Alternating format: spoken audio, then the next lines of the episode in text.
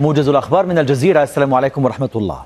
أدى قائد الحرس الجمهوري في الجابون الجنرال بريس أوليغين جيما القسم رئيسا للمرحلة الانتقالية بعدما عينه قادة الانقلاب رئيسا مؤقتا. جاء ذلك بعد إعلان قادة الانقلاب استيلائهم على السلطة ورفضهم نتائج الانتخابات الرئاسية التي فاز فيها علي بونغو بولاية ثالثة.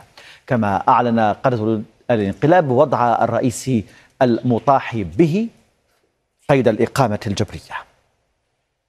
وفي أول ظهور له منذ الإطاحة به طالب الرئيس المعزول علي بونغو من سماهم أصدقائه والعالم كله برفع الصوت عاليا في وجه من اعتقلوه في إشارة إلى قادة الانقلاب في الجابون.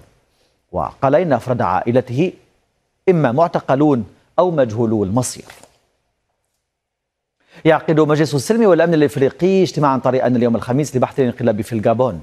من جهتها دانت فرنسا الانقلاب وشددت على أن الحل في الجابون بالانتخابات لا بالانقلاب. كما أعربت كل من الصين وروسيا عن قلقهما من الانقلاب في الغابون وقالت الخارجية الروسية إن موسكو تتعامل بقلق بشأن الأوضاع في الجابون. بدورها دانت الولايات المتحدة الاستيلاء على السلطة بالقوة في الجابون وقال البيت الأبيض إن واشنطن ملتزمة بالعمل مع شركاء الأفارقة لدعم الأمن والديمقراطية في القارة. قال مسؤول السياسة الخارجية في الاتحاد الأوروبي جوزيف بوريل إن الاتحاد الأوروبي يتجه لفرض عقوبات على قادة الانقلاب في النيجر مؤكدا استمرار الدعم الأوروبي لمجموعة ايكواس وما تقرره لتسوية الأزمة في النيجر. تعرضت العاصمة الأوكرانية كييف لهجوم روسي عنيف قتل فيه شخصان ووصب آخرون. وقالت الإدارة العسكرية لكييف إن الهجوم بدأ بالمسيرات من اتجاهات مختلفة وتبعه هجوم بالصواريخ. بالتزامن مع ذلك افادت وسائل اعلام روسيه بتعرض مقاطعات عده غربي البلاد لهجوم واسع بمسيرات أوكرانية. وأكد حاكم بيسكوف صد هجوم أوكراني بمسيرات استهدف مطار المدينة.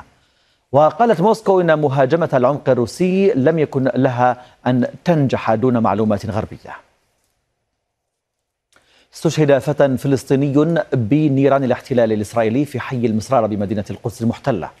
وقالت وسائل اعلام اسرائيليه إن قوات الأمن أطلقت النار تجاه الفتى للاشتباه في محاولته تنفيذ عملية الطعن. أعلنت كوريا الشمالية اليوم الخميس أنها أجرت تدريبات تكتيكية على ضربة نووية تحاكي تدمير مواقع رئيسية في كوريا الجنوبية. ختام الموجز. أينما كنتم طابت أوقاتكم بكل خير.